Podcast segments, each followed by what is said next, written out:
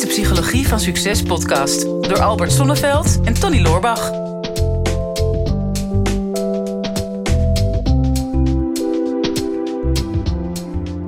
Eindelijk zeg, hij heeft gereageerd. Onze Thijs Lindhout, Ja. de koning van de podcast. Ja, tenminste vroeger hè. Ja, zou Thijs nog van ons houden? Weet ik niet. Maar het is eigenlijk sinds wij die hitlijsten binnen zijn gestormd en we regelmatig boven Thijs staan, horen we inderdaad erg weinig van hem. Ja, daarom. Dus nou, ik hoop dat we met het beantwoorden van zijn vraag, dat we het weer een beetje goed gaan maken, Thijs. Dus ja, nou, vast wel. Ja. wil jij zijn vraag voorlezen, Tony? ja, want we hadden een tijdje geleden al een vraag van Thijs binnengekregen. En eh, daar hebben we toen een podcastje over opgenomen. Alleen eh, die is niet helemaal goed gelukt. En, eh, dus die moeten we even opnieuw doen. Ja. En dan heeft Thijs mazzel, want we hebben, sindsdien hebben we alweer zo ontzettend veel geleerd zelf. Dus wij hebben, we hebben nu gewoon een veel beter antwoord te geven dan, eh, dan vorige keer. En zo Ja. zie je maar weer wat we over hadden in een andere podcast over eh de Law of Attraction. Er komt altijd iets beters voor terug. Deze, deze is mislukt. Dus nu maken we een betere podcast. Speciaal voor jou, Thijs. Speciaal voor onze Thijs. En Thijs had een vraag ingestuurd en ik weet de precieze bewoording niet meer. Want ja, wij gooien altijd alles meteen weer weg. wij zijn geen mensen die iets vasthouden.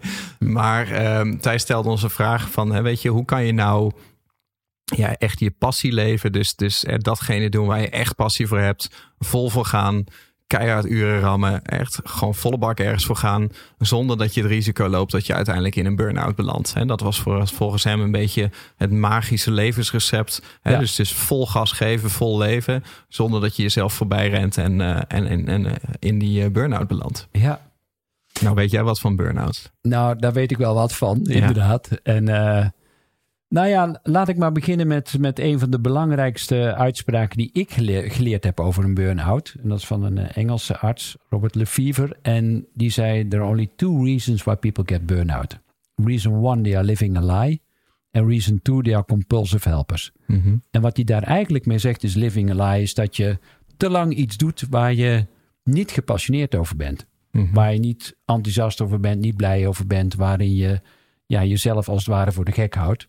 Dat is de eerste reden. En compulsive helpers is dat je te veel bezig bent met het welzijn van de ander en dat je onvoldoende kunt zorgen voor jezelf. Mhm.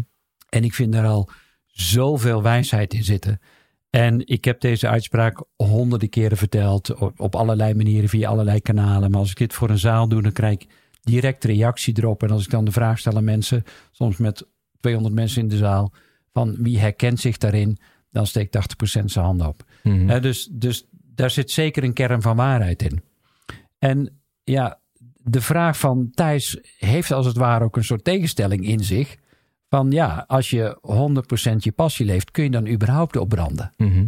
En nou, dat is, dat is erg moeilijk. Hè? Ja. Dus, maar natuurlijk, overal zit een bepaalde grens aan. En het kan zijn dat je vaak wel vanuit een bepaalde passie aan iets begint. En dat je vol gas ergens voor gaat. En dat je je dromen gaat naleven. Maar, en dat is vaak het lastige, op het moment dat je vol dromen bent, dan zit het nog niet in de materie. Mhm. En de materie is altijd trager dan de geest. Zoals ook mijn kriebel in mijn keel op dit Ja, moment. precies. Ja. Hè, ik dacht, ik Ja, kom je eraan. bent gewoon zo enthousiast over dit Ja. onderwerp. Jouw lichaam probeert nou je keel in te halen. Ja, ja, precies.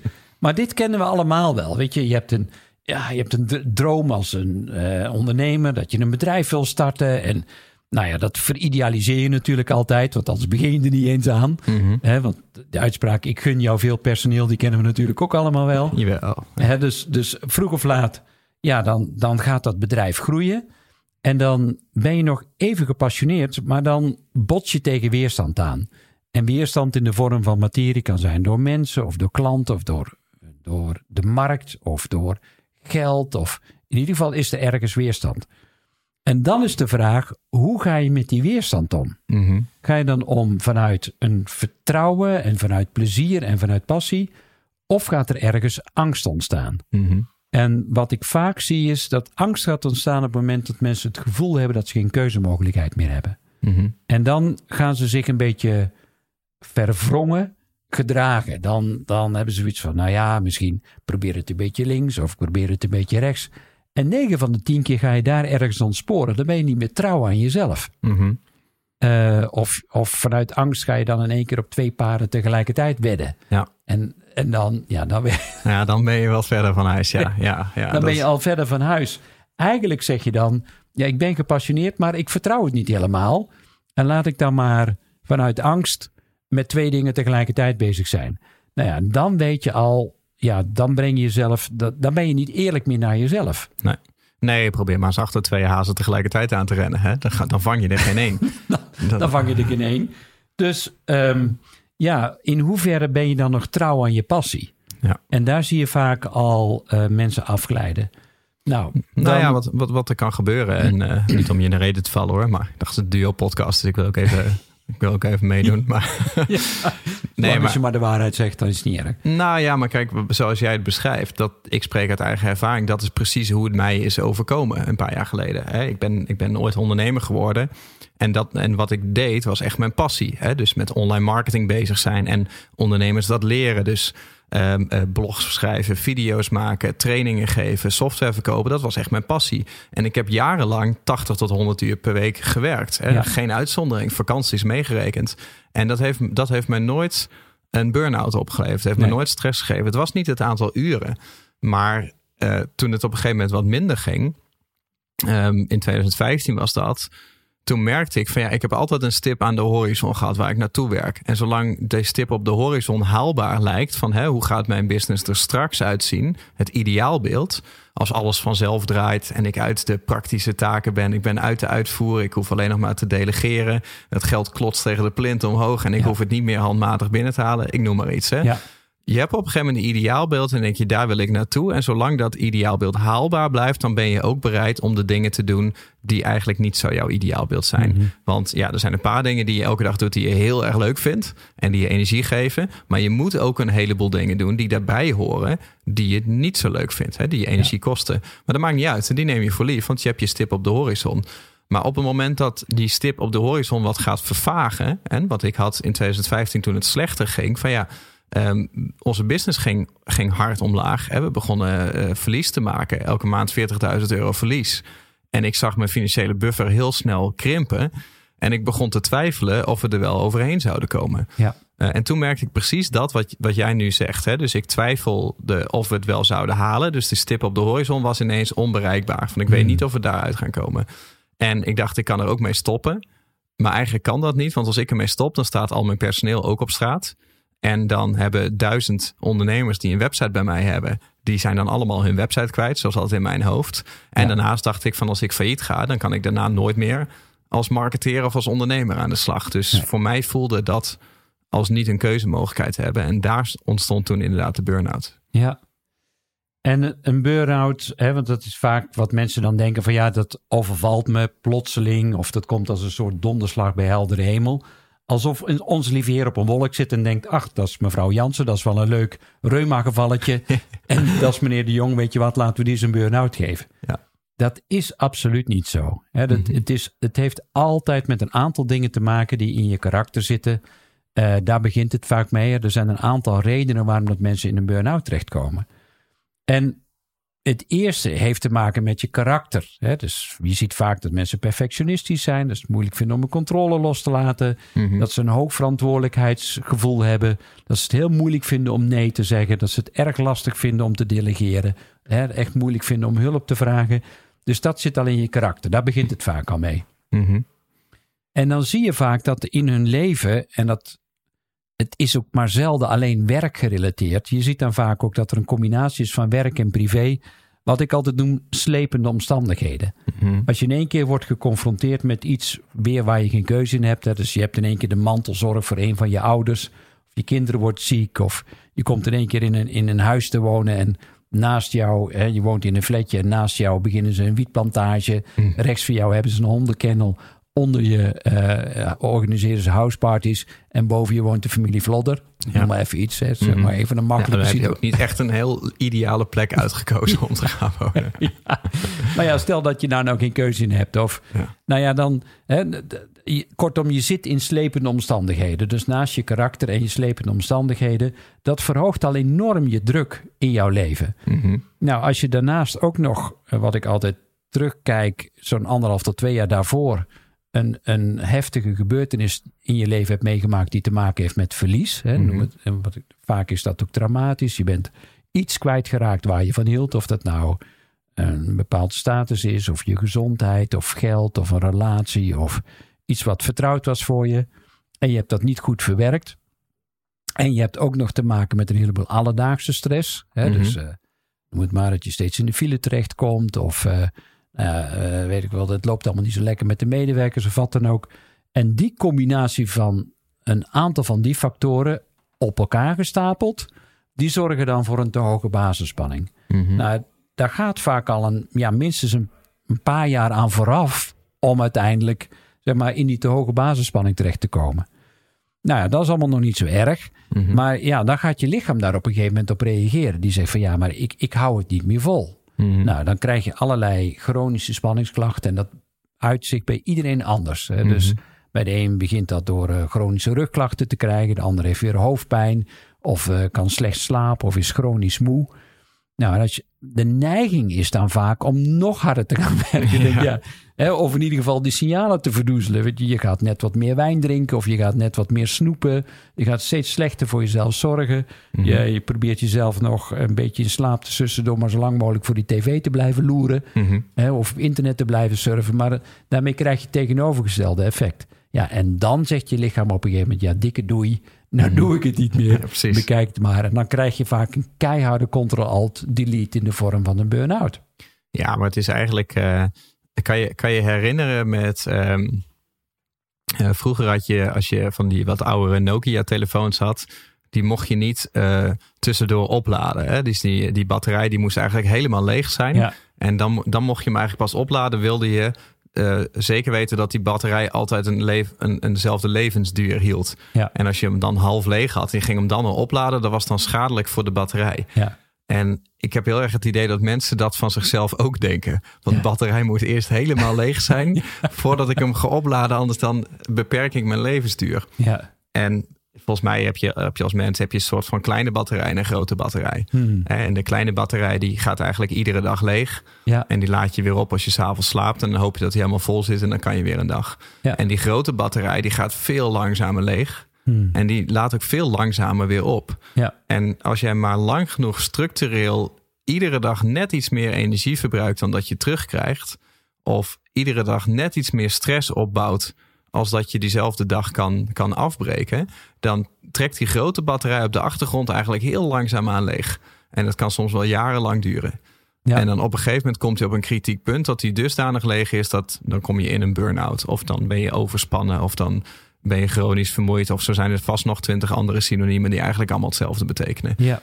En dan krijg je dat niet met een avond slapen of met een weekendje weg of met een vakantie van twee weken. Krijg je die grote batterij niet meer gevuld. Hmm. Dat, is- dat is een proces van jaren. Ja. En, en dat is waarom het voor mensen die een burn-out hebben gehad vaak een, een zegen dat je die burn-out hebt. Omdat je op een gegeven moment inziet van ik kan dit niet fixen met compensatie.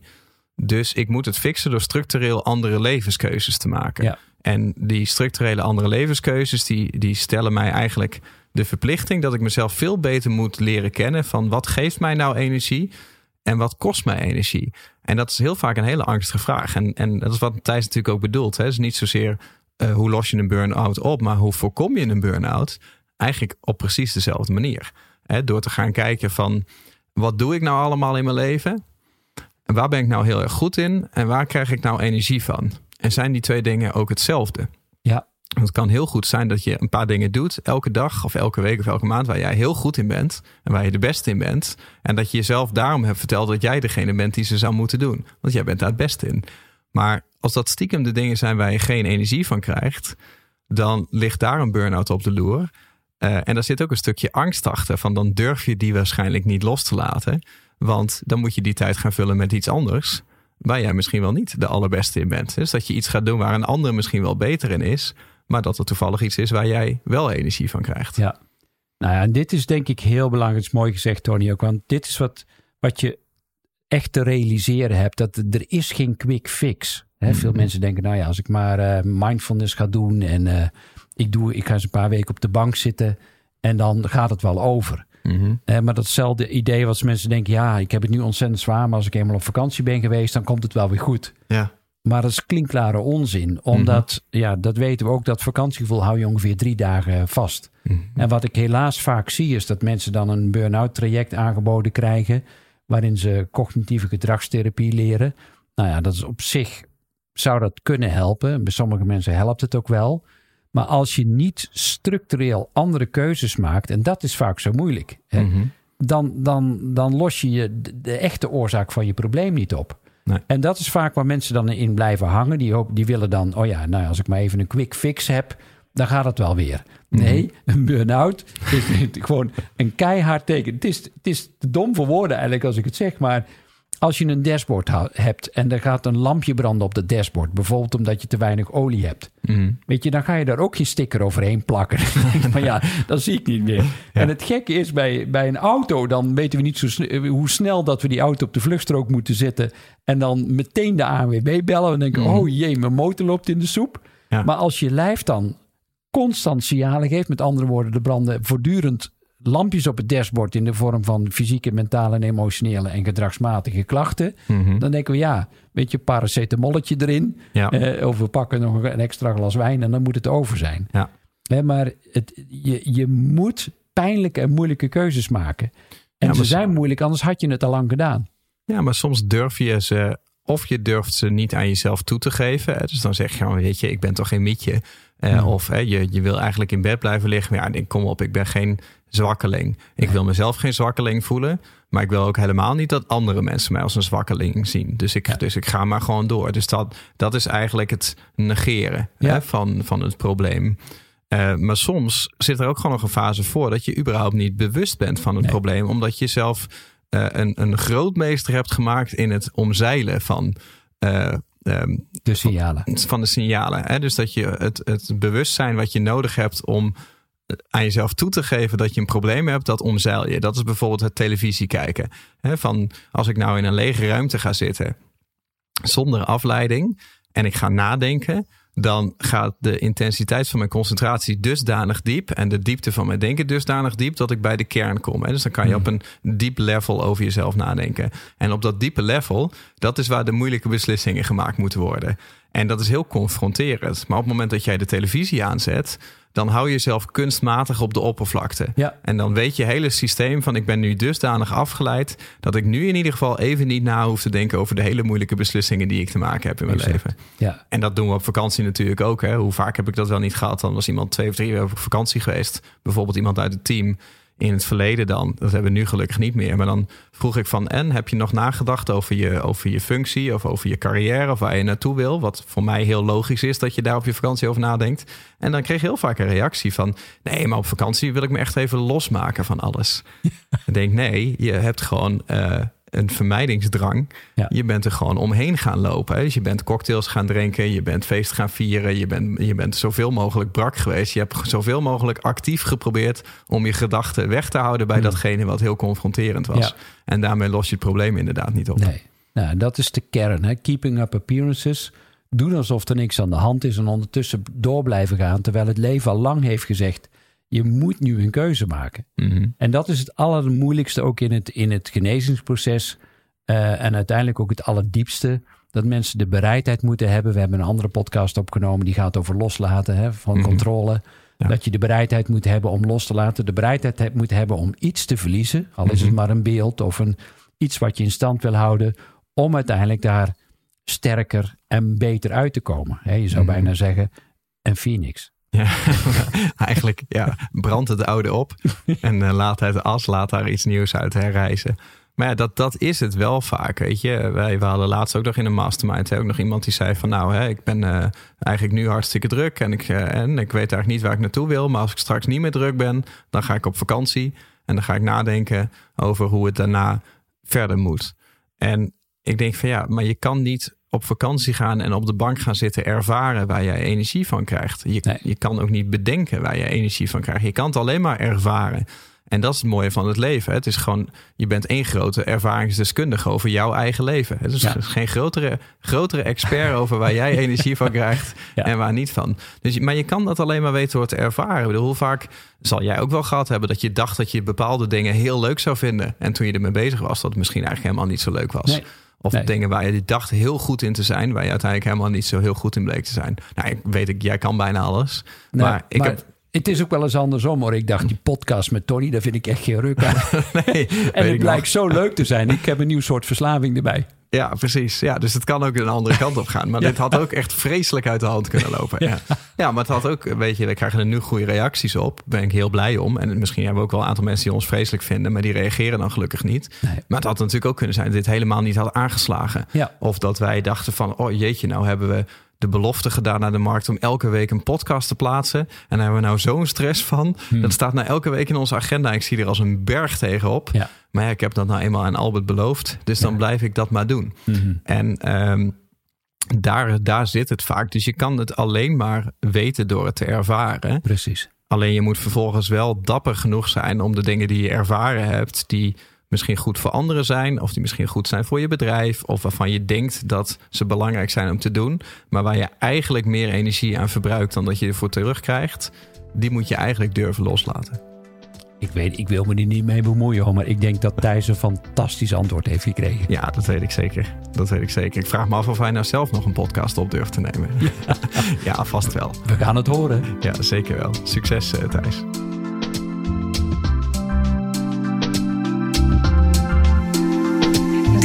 Psychologie van Succes podcast door Albert Sonneveld en Tony Loorbach.